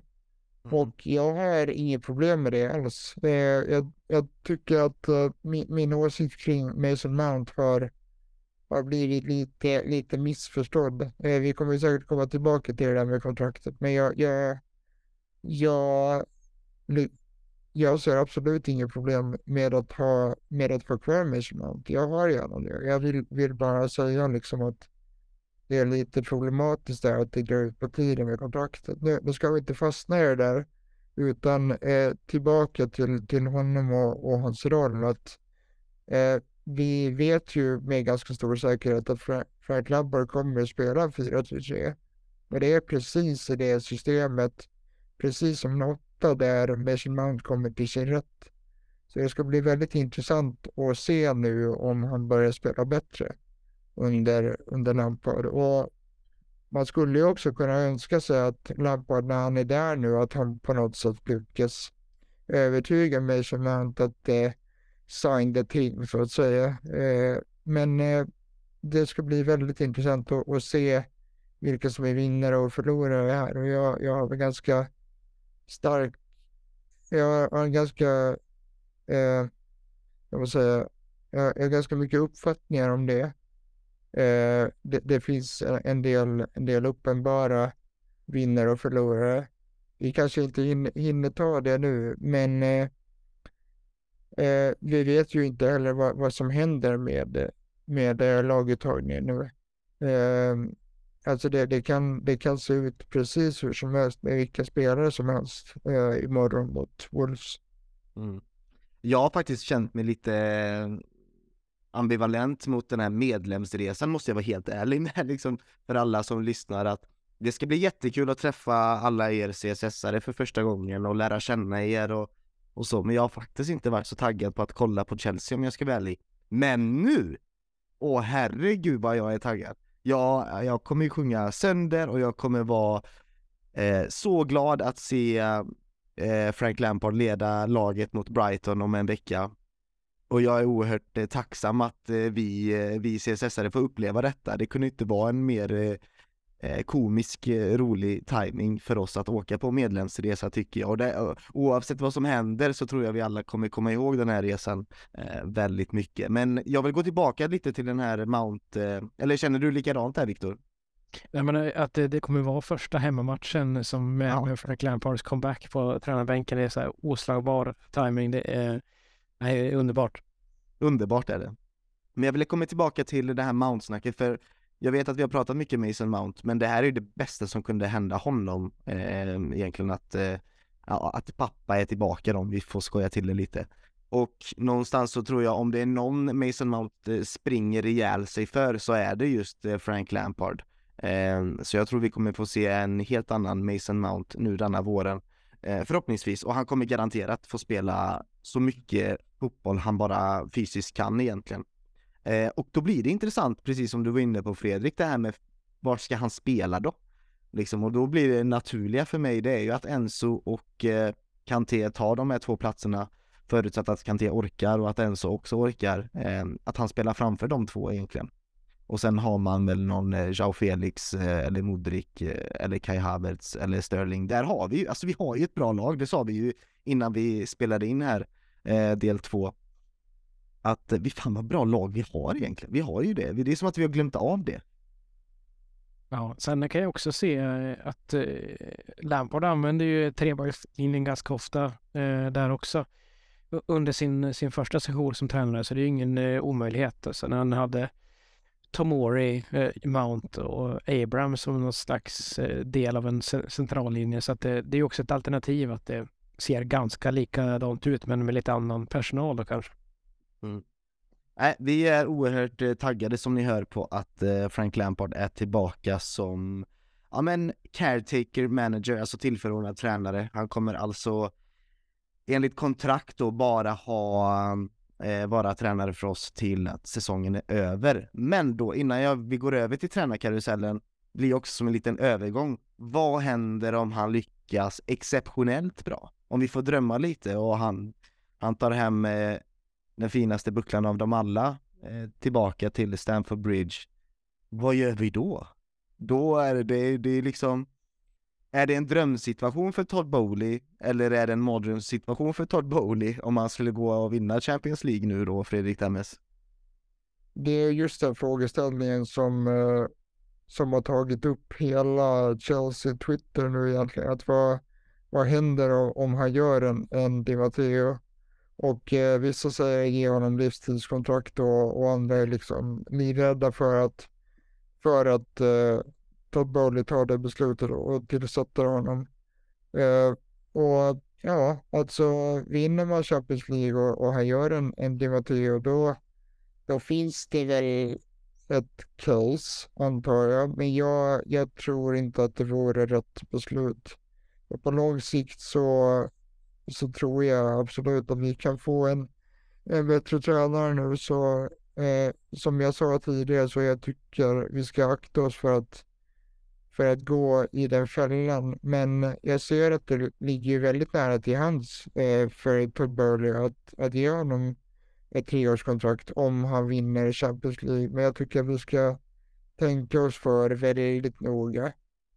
Eh, det finns ju de som säger också att vi, vi måste få till ett pre-contract med en, med en tränare så fort som möjligt för att blocka hela den här diskussionen. Eh, så summa summarum, jag tror absolut att det finns en stor chans, eller risk, hur man nu säger det, att, att han får, eh, får jobbet eh, permanent om, om han gör det bra i Champions League. Men jag, inte, jag tycker nog inte att vi ska göra det, om jag får säga min mening. Nej, visst känns det så Viktor att precis som Viktor är inne på att sannolikheten då, eller ja, för det första sannolikheten att vi ska vinna Champions League verkar väl ligga på vad är det, 6% eller någonting, så först måste det ske. Eh, men eh, sannolikheten att han skulle då eh, få ett treårskontrakt eller ett tränarkontrakt framöver är ju ganska hög om han vinner. Det hade ju varit mm, i en, i en viss värld är ju det det rätta att göra, men det känns ju inte som det rätta att göra, speciellt nu också med den ambitionen som klubben har och de stadgar, nya stadgar då man har satt eh, som klubb sen, eh, sen den nya ledningen tog över. Nej, precis. Och, och alltså hela den här hypotesen, alltså det hade ju varit definitionen av box office, alltså det mest eh, turbulenta eh, 18 månaders period i klubbens historia kulminerar med tredje Champions League-bucklan. Eh, det, det, hade ju varit någonting. Nej, men det, det hade ju varit frestande såklart för eh, eh, Boli och company att eh, lägga fram eh, och, och pennan liksom. Eh, men jag, jag är lite grann inne på, på ert spår också att eh, det, det går lite stick i stäv med den här eh, mer långsiktiga visionen som ska finnas eh, hos eh, den, den ledning vi håller på att eh, snickra fram. Så att eh, ja, det, det, är så svårt att förvägra honom eh, eh, den möjligheten också ifall han nu skulle lösa det. Men sagt, det, det är ju ett stort om. Ja, så han är ju en potentiell tränare för oss eh, säsongen, vad blir det nu, 23-24. Eh, men om vi nu ska vara lite realistiska här, eh, vi ska ju faktiskt då vinna Champions League för att det ska ske. Ehm, eller att det kan ske. Så finns det några andra namn där ute som kanske känns mer rimliga då för att bygga vidare på detta eh, Chelsea-projekt. Eh, vad det nu är för projekt, det ska vi, får vi märka om några år vad det faktiskt blev utav Bowley och Egbalis ehm, eh, tankar och filosofi. Men det är ju två namn som sticker ut där, men jag känner Temmes, det kanske berättar först kan vi väl berätta vilka tränare egentligen som ligger på någon slags shortlist. Även fast vi har pratat mycket Enrique och Nagelsmann här så finns det några andra namn där ute som eh, det diskuteras kring och som känns halvspännande och så? Eller är det de två det kommer handla om tror du? Eh, jag är rätt övertygad om att det kommer handla om de två i slutändan. Men jag, jag tror inte man kan prata i termer om en, om en shortlist just nu därför att nu, eh, nu får ju ledningen tid på sig att, eh, att verkligen utvärdera flera olika tränare och vi, vi har ju sett nu i rykteskarusellen att vi har ju kopplat samman med i princip varenda tränare i världen känns det som. Jag menar, det, det har pratats om Nagelsmann, eh, Enrique, Pochettino, Mourinho, eh, till och med Conte Ruben Amorim i Sporting, eh, Oliver Glasner i Eintracht Frankfurt och så även Marcelo Gallardo i River Plate och så finns det två outsiders också i Abel Ferreira och eh, Tich, eller Tite som det ju mm. skrivs. Eh, och, och de här två sistnämnda herrarna eh, tränar i Brasilien. Eh, Cic, som vi vet, hade ganska misslyckat VM eh, med Brasilien och Abel Ferreira är en portugis nu som tränar i Palmeiras och beskrivs lite som eh, den nya Mourinho. Och det är ju det är väldigt, väldigt svårt att, att se hur det landar här, men jag, jag tror ändå att when push comes to shove så, så kommer det kommer det handla om Nagelsmann och Enrique. Så länge de fortfarande är tillgängliga. Och det var, det var just den risken jag anspelade på tidigare. Att, eh, det finns ju den risken när man väljer att avvakta att, eh, att eh, annan faktiskt plockar den två. Eh, jag har en klar preferens där, vi, vi kommer tillbaka till det. Men, men eh, det finns ju ett antal klubbar nu som kommer, kommer leta tränare i sommar. Vi vet att eh, Tottenham kommer göra det. Eh, PSG kommer med största sannolikhet att göra det och eh, den stora fisken då, Real Madrid, eh, kanske gör det om man gör sig av med Ancelotti eller Ancelotti tar Brasilien. Eh, så jag tror att det är alldeles för tidigt att prata om en shortlist nu. Eh, men eh, klart är att man kommer, kommer ta tid på sig och man kommer intervjua många kandidater. Vilket, vilket jag ser positivt eh, på. För, eh, jag sa det tidigare att eh, det var en så otrolig prestigeförlust med, eh, med Potter nu så att eh, ledningen måste sätta eh, nästa tränare. De har inte råd att, att göra ett, ett misstag till helt enkelt. Och eh, lite på tal där om eh, Real Madrid och eh, Carlo Ancelotti att han förmodligen kommer lämna till sommaren. Det vet man ju inte riktigt, men det ryktas väldigt starkt om det. Och han eh, flörtar ju lite med brasilianska landslaget och det brasilianska fotbollsförbundet eh, flörtar en hel del med Carlo Ancelotti tillbaka. Eh, så är det ju så att det är också en anledning till varför man kanske då valde, det är kanske också Simon Johnson som rapporterar om det, att det var kanske också en, en anledning till varför man eh, agerade med, med Graham Potter just för att man vill, eh, ja men man vill ha en liten fördel mot Real Madrid och eh, börja hitta en tränare redan nu då innan, innan de går ut på jakt till sommaren så att man ska få, ja man vill ha liksom preferensen helt enkelt, att, ja, fördelen av att vara först helt enkelt.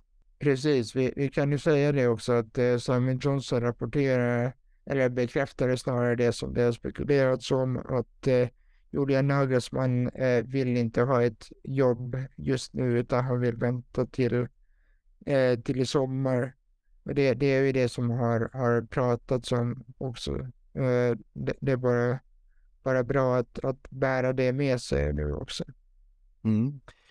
Um vi kan väl eh, reducera detta till Enrique och Nagelsmann så länge och jag känner att det kanske inte är för klokt att gå för djupt kanske i eh, de respektive tränarna just för att, eh, ja, vi, vi, vi vill hålla det enkelt. För sen när någon blir officiell så tycker jag att vi kan dyka in lite djupare i tränarens, respektive tränarens historik och spelstil och eh, vad vi kan tänka oss att de kan göra med klubben. Men vi ska ändå väl ge någon slags basic um, ja, men sammanfattning om de båda tränare, för de är också väldigt olika som tränare måste sägas. Och eh, om jag säger Enrique versus Nagelsmann, eh, Viktor, vilka, vilka kittlar dig? Eller vem kittlar dig? Nej, men det, det är, just nu är jag ganska apatiskt inställd egentligen till vem som ska vara, vara Chelseas huvudtränare. Som sagt, när eh, Tuchel sparkades så var Graham Potter mitt första val. Eh, och nu känns det lite konstigt att sitta och eh, dra lovsånger om honom när det är bevisligen någon annan som kommer, kommer träna Chelsea. Eh, men jag är väl ganska svalt inställd egentligen till båda två. Eh, Enrique har det väl främst med att göra att han eh, har tränat ett klubblag på eh, snart sex år. Alltså 2017 var det när han lämnade Barcelona. Mm. Och Nagelsmann vet jag inte riktigt vart jag har. Vi kommer att prata lite grann om det, men jag, vi, vi, man vill ju framea det lite grann som eh, en, en vad ska jag säga, eh, bevisad vinnartränare mot en, en projekttränare liksom, eh, som kommer med unga Uh, unga entusiasm och liksom lite andra idéer och bevisligen väldigt datadriven och han gillar NFL och liksom vill hämta koncept därifrån, Nagelsmann. Men att han skulle vara en en sån långsiktig projekttränare. Det, eh, jag vet inte riktigt om jag köper in mig på den idén att eh, han har gjort tre år i Hoffenheim och två i Leipzig och det stannar vid två år i Bayern München. Eh, så att han kanske är mer lik Conte och de typerna man först tror att han behöver inte ha så väldigt lång brintid i en och samma klubb. Det, det är inte självklart. Det är en bra poäng. Och ja, men då kanske du är lite mer som mig då. Ta tillbaka Mourinho bara så kör vi rond tre. Ja, pure vibes. pure vibes, eller hur? Men ehm, ja, jag håller med dig. Det, det, det, jag har också fått den feelingen lite av att Nagelsmann kanske mer ska porträtteras fram som någon slags projekttränare. Eh, och jag delar också din uppfattning om att man inte riktigt vet vart man har han som tränare. Skulle det inte vara så att Tuchel var tillgänglig så tror jag att han fortfarande hade varit tränare för Bayern München. Eh, då vet man inte om det har hänt något bakom, bakom senare där, men Eh, min uppfattning var att han var ändå väldigt omtyckt av många bayern supportrar eh, även fast kanske inte resultaten i ligan var de bästa. Så eh, pratas han ju lite som liksom the next wonderkid i, i, i, i Tyskland. Eh, så ja, det, det är spännande att se vart han ska ta nu, nu när jag tänker på Wunderkid och fotboll i samma mening, då tänker jag ju på Nathan i Ted Lasso, om ni har sett den serien. Det är, kolla på Ted Lasso, en magisk eh, bra serie. Eh, Viktor, är han en Wunderkid eller vad får du för uppfattning annars utav eh, Nagelsmann som, som tränare? Nej, men eh, något av en innovatör får man ju säga att han är. Han är väl lite grann en eh, Ralf Rangnick-protegé eh, just med att han eh, anförtroddes med att ta över eh, Hoffenheim så pass ung som han var då och gick ju väldigt bra. Nej, men han är inte rädd för att köra dels med oortodoxa formationer men att han har ju spelat Serge Gnabry som wingback och så så att det är väl lite Potter-stil med Sterling som vänster-wingback där i höstas. så att det, det är klart att han, han är väl väldigt mycket nya skolan, så, så är det ju. Eh, och eh, vågar ju liksom dra friskt med inspiration från, från andra idrotter.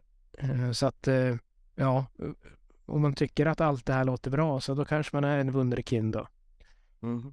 Sen har han ju också en relation sen innan då med Kristoffer eh, Vivell eh, Fredrik och han han är ju liksom, han hade ju alignerat sig med den här eh, sagda visionen som ändå klubben har på något sätt också för att han känner till lite redan det här arbetssättet sen innan.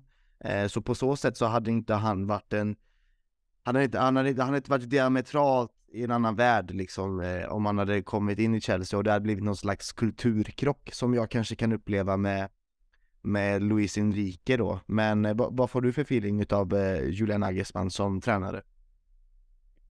Um, jag eh, är en, eh, en stor förespråkare av eh, Julian Nagelsmann och jag, eh, ja, jag ville egentligen ha, ha in honom redan när vi tillsatte Tuchel. Nu blev ju det ganska bra i slutändan får man säga. Eh, men eh, när det gäller just eh, diskussionen Nagelsmann versus Enrique så är jag absolut eh, team Nagelsmann. med det sagt så i princip när det gäller varenda tränare eh, som vi kopplas ihop med nu och egentligen alltså alla tränare som finns tillgängliga. Så det, det finns en nackdel och en risk med precis varenda en av dem. Mm. Och det, det gäller Julian Nagelsmann också. Eh, det rapporteras lite det att, att Will Stanley och Stewart gärna vill ha uh, Julian Nagelsmann, uh, men att uh, och Egbali då eh, ställer sig lite frågande till, till hans ålder och att det kan vara en faktor. Och jag, jag, jag köper det lite faktiskt, för han är ju han är enbart 35 liksom, så han kommer in eh, i vår klubb och är yngre än Thiago Silva.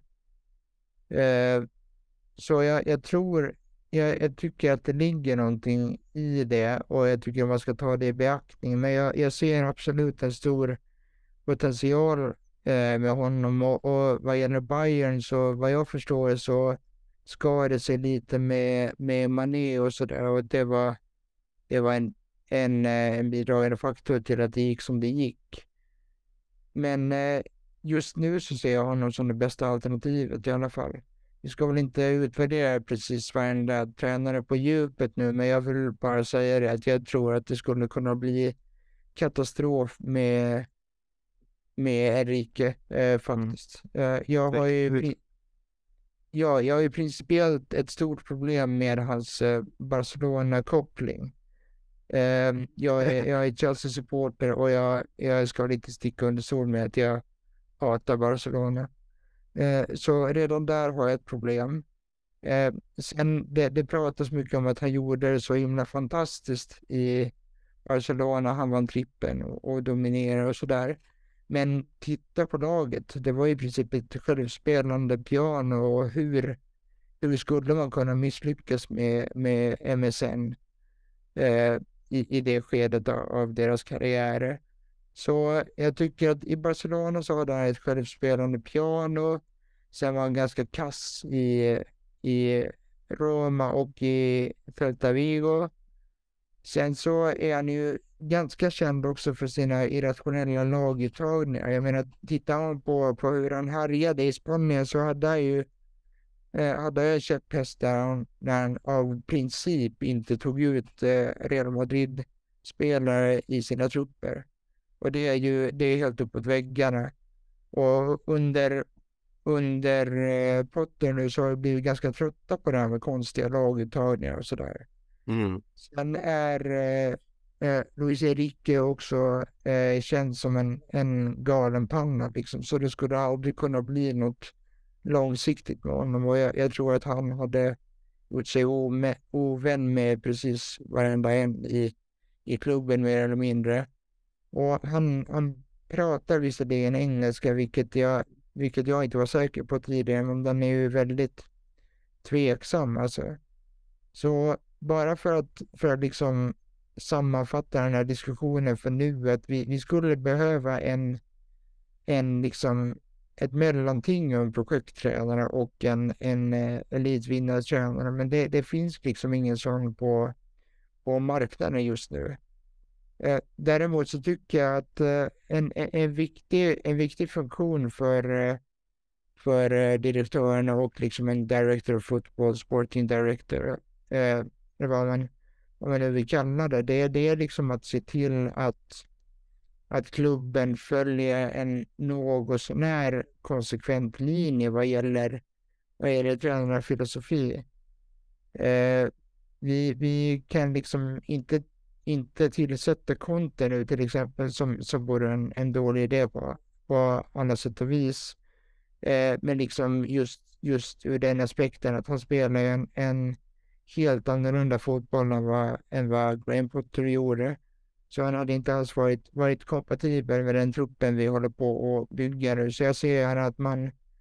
Nu, nu har vi valt den här linjen med en ganska modern och progressiv eh, pressinriktad fotboll. Så då får vi, får vi hålla oss till det. Så, så bara, eh, bara det liksom utesluter Mourinho och, eh, och Conte den diskussionen. Jag tycker också att vi ska, vi, vi ska åtminstone sträva efter en en långsiktig tränare. Sen, sen tycker jag att det är ganska intressant också att det verkar som att vi väl är helt frånkopplade ur, ur eh, hela den här processen. Det är ju Wayne Stanley och eh, Roy Stewart som sköter det här nu och det är väl just, just för den här relationen som vi väl redan har med Julian Nagelsmann, att man ska, man ska försöka förhindra att, att det liksom eh, påverkar beslutet. Men ja, nu, nu blev det väldigt långt här, men jag, jag tror att det kommer stå mellan, mellan Nagelsmann och Erike som det ser ut. Och jag, jag håller ändå en liten tumme för, för Nagelsmann, även om jag förstår att det, det han är inte felfri heller, utan det, det, det kommer oavsett vem vi var vara en risk det, det, det kommer man inte ifrån. Därför att det finns ingen, ingen tränare just nu som tickar alla boxar. Det är väl möjligtvis ändå, men han, han, eh, han tränar Bayern München nu tyvärr. Alltså för mig är Carlo Ancelotti det, det rätta svaret på många frågor i livet. Men Carlo Ancelotti är eh, för mig, jag menar det känns som att jag vill ha lugn och ro. Jag vill ha lugn och ro, jag orkar inte med massa experiment och testa. Jag vill ha det ögonbrynet bara. Som... Ja, det räcker. Jag vill ha lugn och ro, jag vill ha en pappa där, jag vill ha en gudfar som bara lugnar ner skeppet lite och vi behöver inte liksom raketändra oss ex, eh, exponentiellt varje säsong eller varje omgång. Kan vi ta, kan vi skynda oss lite långsamt? Eh, jag förstår att ägarna vill se en ny klubb och att de har jätte, jätte, jättestora ambitioner. Men eh, ja, jag tror på jag tror på lugn och lite, var lite, att vara lite konservativ liksom i sin, i sin fotboll. Det är också, det behöver inte vara en dålig approach. Man behöver inte alltid vara ultramodern och ultra, eh, liksom ideologisk i sitt, i sitt fotbollskunnande eller i sin tränargärning utan ibland räcker det med att eh, vara en stark ledare och en, eh, Ja men det, till slut handlar det om att behandla de här liksom människorna, eller spelarna som människor och få dem att tro på det och få dem att springa och få dem att vilja tro på sig själva framförallt då. Eh, så jag tror det är, eh, jag vet inte, jag tycker det är det precis eh, Chelsea behöver. En, en liten mysfarbror, eh, Fredrik. Men eh, ja, så jag vet inte, jag går inte heller igång, jag håller med dig lite Viktor, jag går inte heller igång jättemycket på någon av de här tränarna faktiskt. Eh, dels för, alltså för att det känns som att det är lite onödigt att behöva spekulera och tänka kring detta nu. Just nu är det Lampard som sitter där som, som tränare och eh, det är ju en hel del spel, spelare som måste försvinna till sommaren också. Hur stor påverkan har han eh, på det? Eh, det verkar ju som att han kommer ha, han kommer i alla fall erbjuda sin inblick och sin, eh, sin kunskap eh, kring unga talanger för ledningen då eh, om vilka beslut som ska tas. Men jag går inte igång liksom på det här, eh, varken Enrique eller eh, Nagelsmann. Det känns bara som att vi hamnar i samma det är liksom ormen som käkar sin svans hela tiden. Vi kommer göra samma misstag med Nagelsmann. Det kommer hända någonting, att vi blir otåliga och han försvinner och så sitter vi där på ruta ett. Jag vill hitta någon, eh, ah, någon, någon lite mer lugn här. Jag, jag behöver det, tror jag, som människa och som supporter. Men jag tror klubben hade mått väldigt bra utav det. Ja, man älskar ju Ancelotti på, på alla sätt och vis. Och precis som du så tror jag att han hade varit väldigt bra i det här läget. Eh, få truppen att må bra. Det är det han gör bäst också. Och det är faktiskt lite intressant med just Ancelotti att eh, Michel har ju gjort eh, eh några intervjuer här nu på sistone och han har eh, vidhållit i båda de här två, det släpptes en ny idag, faktiskt att eh, Ancelotti var den absolut bästa tränaren han har haft just för att han fick gruppen att må bra.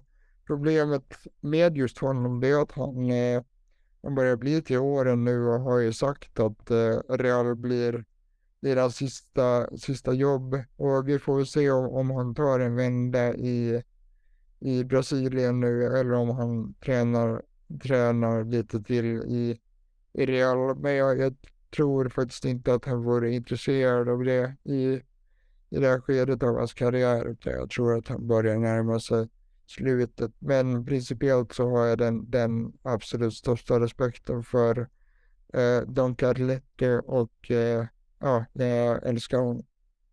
Jag med faktiskt. Och eh, han borde verkligen vara i diskussionen där som en av de bästa tränarna de senaste 20 åren för hans eh, resumé är helt eh, otroligt när man sitter och tänker på det faktiskt. Och att han inte han lyfts upp där som eller speciellt de här anglofilerna som bara, ja ah, det är Klopp och Guardiola, wow, det är alltid de två som hamnar i den diskussionen men eh, ja, man glömmer av eh, Carlo Ancelotti, eller inte jag i alla fall och inte du heller Temme, så verkar det som. Eh, Viktor, eh, hade du velat ha Ancelotti tillbaka? Absolut, och, men som Fredrik är inne på där, det handlar nog själv om att han, han eh, ska nog göra sig otillgänglig för fler klubblagsuppdrag åtminstone, även om han verkar glänta lite grann på dörren till otrovärdiga förbundskaptensjobb. Men eh, nej, jag tror att han vill mest dra till British Columbia i västra Kanada och fiska lax och hänga med frugan. Det, jag tror det är nästa mål för honom. Och det, det undrar man honom också. Eh, bara för att, eh, för att spinna vidare lite på det, det, det är så fascinerande med honom hur han älskar mat. Eh, jag vet inte om ni, om ni läst hans biografi, men det finns ju en berömd passage där att när han tittade på på eh, Jurij Kirkov så det enda han såg var en, var en eh, smaskig kotlett liksom. Eh, mm. Så det, det är lite intressant att han, att han är så fascinerad eh, och en så pass eh, gastronomisk konnässör så att det enda han tänker på är, är mat och vin liksom även när det gäller i relation till, till sina spelare. Det, Just det var... på Kirkov finns det inte så mycket kött att äta. Mm. Precis. Är det förvånande? Ja, det här har inte jag ja. läst. Ja, det, det var lite en, en Du har sålt in boken till mig Fredrik. Jag kommer läsa den. det, det, det var lite en parentes och lite off topic, men jag tyckte att det, det var kul ändå när vi pratade om det här med bra fiskar i, i British Columbia, för där, ja, fisk är ju god mat också. Eh, ja. Hade väl Ancelotti tyckt, så att jag tyckte att det var, var bara, eh, ja, den här sidopassagen behövde vägas in där. Mm. Eh, det är en läsvärd bok faktiskt, så, så läs den. Mm. Eh, som sagt, det är ju mer vad jag önskar. Sen är det självklart förstår jag ju att han eh, nog inte vill tillbaka till Chelsea. Han känner väl att han har uppnått det han kan med det laget där och lämnat det starka avtrycket som han ändå gjorde på eh, de flesta Chelsea-supportrarna. Så han har gjort sitt kanske. Men jag hade velat ha tillbaka, det är mer den typen av eh, karaktär jag tror jag menar. Någon, någon som kan lugna ner och vara lite ja men lite lugn som har varit runt lite och sett lite fotboll och det är väl den uppfattningen man har fått lite utav eh, ledningen också va, när man pekade på att Nagelsmann, du sa ju det Fredrik, eh, att han, man tyckte, ja men han är lite för ung, oerfaren kanske, medan man ser en mer erfaren man i Luis Enrique, så det kanske kommer att spela en roll nu här till sommaren, eh, eller inte, men vi, kommer, vi kan sitta här och spekulera runt massa namn, för det är ju massa namn som har nämnts här och jag har inte fått dra min Mourinho pluggen, men jag kanske gör det nästa avsnitt. Eh, så det får ni vänta på. Eh, men jag tycker vi snackar upp, eh, alltså ändå en ganska rolig match nu helt plötsligt mot Wolves. Jag längtar nu helt plötsligt till att återigen se Chelsea spela fotboll och det gör jag dels för att Lampard eh, är tillbaka och eh, ska leda laget, men eh, för att det är ett Wolves som är där for the taking så att man säger eh, Viktor. Det, de ligger inte jättebra i ligan, de ligger på en 14 plats. De har haft en ganska märklig säsong ändå, även sen man gjorde sig av med Bruno Lage så har det inte riktigt vänt heller. Eh, man har försökt värva sig till poäng med Diego Costa och eh, ja, det här Jorge Mendes eh, projektet går väl inte enligt plan kanske, eller var, var ska vi börja detta, eh, Wolves? Nej, men som du är inne på där, alltså, de, de har inte fått riktigt samma utväxling på det tränarbytet som eh, grannklubben Aston Villa gjorde med, med Emery när de tog in Lopetegi. Eh, men eh, de är också en klubb med mycket turbulens runt omkring sig, kanske inte fullt lika mycket som turbulensen som omgärdar sydvästra London och Chelsea. Eh, men det är skakigt och har varit det egentligen hela säsongen. Eh, tre förluster på de fem senaste matcherna. Eh, nu kryssar de mot eh, Nottingham senast. Eh, och det vart ju rabalder där i slutet så Daniel Podench utreds av FA. Han misstänks då ha spottat på eller mot Brennan Johnson i, i Forest så vi får se hur det går där. Om det påverkar hans, eh, hur, huruvida han är uttagningsbar i morgon eller inte. Men eh, klart i alla fall att kaptenen Ruben Neves eh, är avstängd tack vare tionde gula kortet.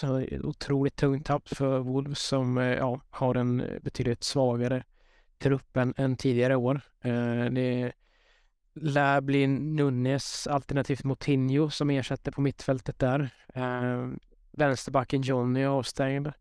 Eh, snackas om att eh, Jiménez återställs till startelvan. De har ju hattat en hel del med, med sina anfallare under säsongen.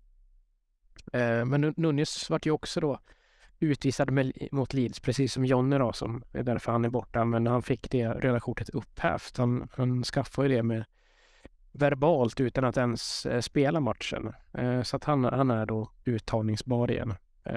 Men de har ändå haft en ganska offensiv utgångsposition under Lopetegi. Att det är någon slags 4-2-3-1 eller 4-3-3 som han har formerat. Och, eh, så att eh, ett möjligt lag som vi kan se från Wolves då är ju José Sa i mål, Semedo, Dawson, Kilman, Gomes, eh, backlinjen från höger. Innermittfält, Lemina, Gomes, Nunes, Neto, Jiménez och Kunja i, i anfallet. Så att, men det, det är eh, som, som, du säger ett, ett oerhört instabilt lag så det, det är väl tacksamt för, för Chelsea att det inte är något eh, formtoppat eh, Wolves som, som tar emot på, på Molineux. Nu eh, kanske jag blir lite för, för kaxig här, men jag känner att eh, det här Wolves-laget ska väl Chelsea städa av egentligen. Eh, bara vi, bara vi liksom får, får till det och, och spelar på en någorlunda bra nivå. Jag är faktiskt väldigt överraskad över att eh, att Lopetegi inte fått till det. För jag, jag trodde att de skulle katapultera uppåt i tabellen så fort de gjorde det bytet och Bruno Lars fick, eh, fick eh, tacka för sig. Men det, de har egentligen varit ganska, ganska intetsägande och tråkigt och underpresterande lag som de gjorde sig av med några Espirito Santo. Mm. Och eh, alltså HB Nevs att han missar är ju ett otroligt tapp för dem och eh, Jean Moutinho är väl ungefär 600 år gammal nu så att Mm. där ska vi kunna dominera på, på mittfältet känns det som. Nej, jag kanske har omotiverat eh, bra, en omotiverat bra känsla inför den här matchen. Men det, det känns som att vi kommer få en manager bounce här och, och vinna med, eh, med ett par bollar. Men eh, med, det, med det sagt också som att man ska akta sig för mina tips för jag är, jag är en master jinxer när det gäller allt möjligt. Jag, jag sa ju till exempel att, eh, att eh, jag vill absolut undvika Real Madrid vid, eh, vid CL-lottningar och så var det precis det vi fick. Så att man, man, ska, man ska akta sig för mina utgångstips. Det är ju alltså ganska många gånger i sådana här uppsnacksektioner av- podden som vi har eh, sagt att det här är ett lag som vi ska slå och så har inte blivit fallet alla gånger. Så Nej, eh, precis. Det är inte ditt fel. Fredrik. Nej. Eh, Nej, precis. Nej, men det, det, är det, det är det inom situationstecken egentligen ska slå. Eh, det är ju det någonstans som, det är klart vi ska slå Wolves när de är så här sargade. Men vi vet ju alla att vi, alltså jag, jag satt och tänkte på det när jag kollade på Liverpool-matchen och jag skrev ner det även i eh, anteckningarna här att är inte vi bara, alltså jag tror vi hade varit en, en vi hade slått som titeln om vi bara hade kunnat göra mål. Ja, jag känner inte jättemycket oro i försvaret utan den, vi kanske inte har en titelmålvakt längst bak där då. Men eh, hade Mondi, det, hade man visat den formen, nu blir det mycket om här, men hade vi bara lärt oss att göra mål på de chanserna som XG visar på um, och eh, vi kanske hade haft en världsklassmålvakt där mellan stolparna så tror jag allt annat sitter ju, verkar ju vara på plats här. Så ja, Det är väl det att vår XG har väl varit eh, koncentrerade till ganska få matcher, liksom att vi har haft hög XG i många matcher, att den inte varit jag måste säga, en konstant, liksom att vi alltid har vunnit den, ska säga, eh, förtjänade målskillnaden, där, eller hur man nu ska formulera det. Så att eh, jag tycker det, det är ett eh, tankeexperiment som eh, vacklar lite grann, eh, får ändå medge. ja men det Ja, alltså eh, man ska inte nonchalera XG helt och hållet men, eh, och jag ska inte älta Potter men jag tyckte att det var lite märkligt när han kom ut efter Aston Villa-matchen och sa att, eller jag parafraserar, att eh, John McGinns mål hade så låg XG så att det är, egentligen inte ens ett mål. Vi- vilket var lite, lite märkligt men, men det jag egentligen ville säga var att det jag skulle säga som Lampard att eh, hans lag gör ju mål. Vi gjorde väldigt mycket mål under hans förra sejour. Sen så släppte vi in väldigt mycket också så det var liksom öppna spel åt, åt båda håll där. Men jag tror faktiskt att på något sätt att, att han kan få snurr på det här. I alla fall är det jag hoppas och återigen, jag hoppas att jag inte jinxar någonting nu. Men det, det är liksom, det, det är inte så, så målsnålt under Frank Lampard. Och vad gäller just Wolves så har vi rätt goda minnen eh, från en av hans första matcher där eh, på just Murray nu. Eh, där vi kom dit och vann med var det 5-2 tror jag. Och Tomori gjorde ett helt sjukt mål och med Abraham gjorde ett hattrick där. Så jag hoppas att han kan kanalisera den matchen på något sätt och, och få, få eh, Kai Havertz att se ut som, som eh, en eh, mästeravslutare liksom. Ja, att Chalobah gör något drömmål också. Det hade Ja, Eh, och skämt åsido, man ska väl inte överdriva det riktigt. Eh, jag vill bara säga det också, att jag, jag tror inte att vi hade varit och slagits eh, om titeln om vi hade haft oss emellan då. För vi, alltså vårt, vårt lag har varit så instabilt, i- inte minst mentalt, så jag, tror- jag tror att, tror att vi hade varit en, en little horse som eh, Mourinho pratade om under sin första säsong i returen, att en liten häst som behöver dricka mjölk och växa till sig nästa år så är vi redo. Mm. Eh, kollar här. ja. Jag kollar faktiskt här på Jag kollar faktiskt här på någon XG-tabell här och expected goals så ligger faktiskt Chelsea på nionde plats i Premier League. Så äh, det var kanske en dum killgissning jag hade där. Men samtidigt så man får ju den känslan i alla fall att vi, vi hade varit betydligt högre upp i tabellen om vi hade lärt oss att avsluta i alla fall. När det kommer till expect, expected points och expected goals då, så expected points är ju baserat på om man har tagit sina chanser så att säga och även kunnat eh, eh, vad ska man säga, rädda de expected goals against då så bra som möjligt. Så är Chelsea fortfarande på en nionde plats där. Så ja, det kanske är representativt ändå att sett till den fotbollen vi har spelat att vi är där vi är.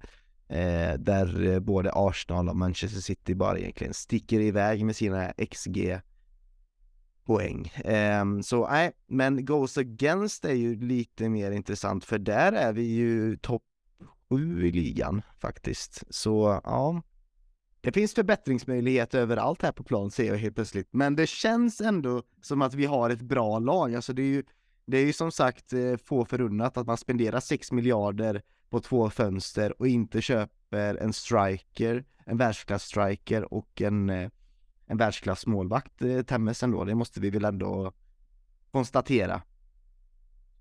Ja, lite märklig eh, skådplanning där. Eh, men eh, jag, jag tror faktiskt att vi, vi kommer täta till de hål som, som finns i sommar. Jag tror, eller jag, jag, är, jag är säker på att vi kommer värva in en strike. Jag är säker på att vi kommer värva in åtminstone en defensiv mittfältare. Kanske två och sen får man hoppas på något sätt att, att, att det blir en, eh, en målvaktsvärvning också. Eh, vem det är är jag lite osäker på nu.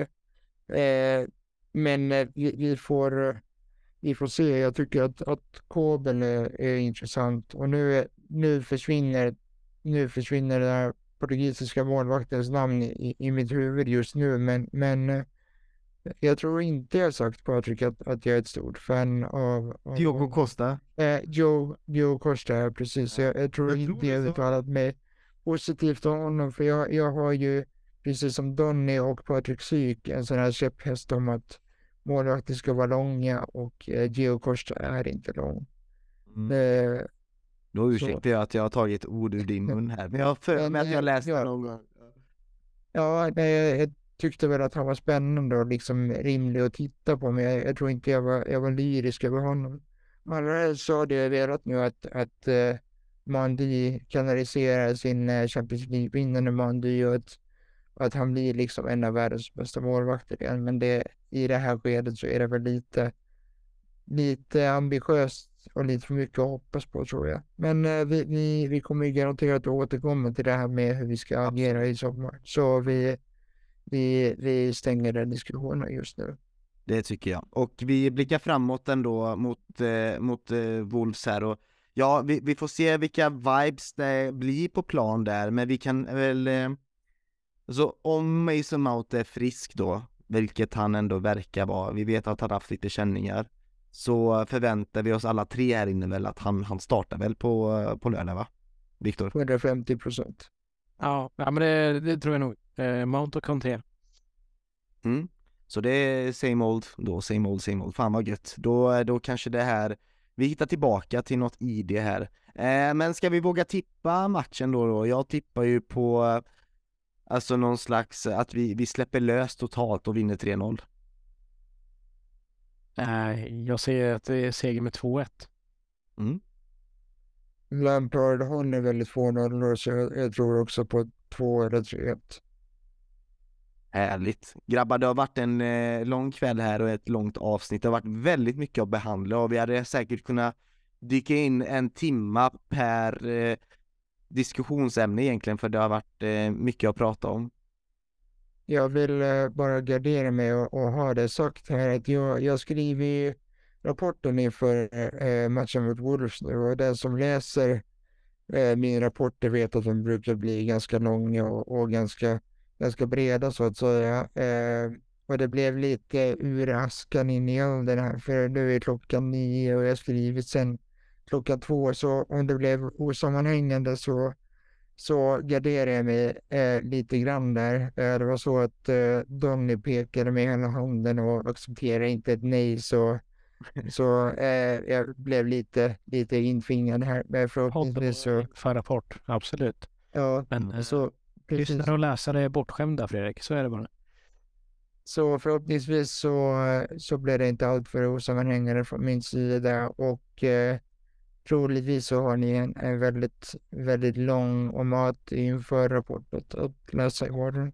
För, för, den som, för den som det nu säger någonting om så är rapporten redan 10 000 tecken och jag har inte ens tagit mig igenom själva Chelsea-delen. Så att det blir, det är lite Potter, det blir väldigt mycket Lampard och det, det blir ganska breda penseldrag i den texten. Och sen skriver jag naturligtvis matchrapporten också imorgon. Så, Så gå in då och fick jag det sagt. mm, gå in på vår svenska fans och håll ögonen eh, öppna då så att ni kan läsa inför rapporten mot Wolves då som är gediget skriven hör vi här nu då utav Fredrik Temmes. Så vi tackar jättemycket för det och för din insats idag eh, Eh, Fredrik. Du behöver aldrig någonsin ursäkta för dina insatser det här. Du är alltid en tia att ha med och det är därför jag tror också att både jag och Viktor tjatar på dig att du ska vara med. Ehm, och Viktor, ett stort tack för dig ända från Borås. Vi är ju typ grannar här nu då. Du är ju på besök här. Vi kanske ska ses imorgon då för första gången och kolla den här Wolves-matchen då. Jag ser fram emot att träffa dig eh, live imorgon och stort tack för eh, det du gör och bidrar till eh, denna podden. Tack ska du ha Patrik. Det här blir kul. Ja, där tog vårt möte slut där med grabbarna, men det enda, det sista vi ville säga var stort tack till er som har lyssnat. Ni är väldigt eh, snabba med att ge oss fin feedback och det tackar vi för och tack för ert tålamod. Det kanske borde kommit ut ett avsnitt tidigare i veckan när det var mitt i kaoset men nu fick ni höra våran ja, men, veckosammanfattning eh, av den senaste tiden eh, och vi hoppas att ni har tyckt om det.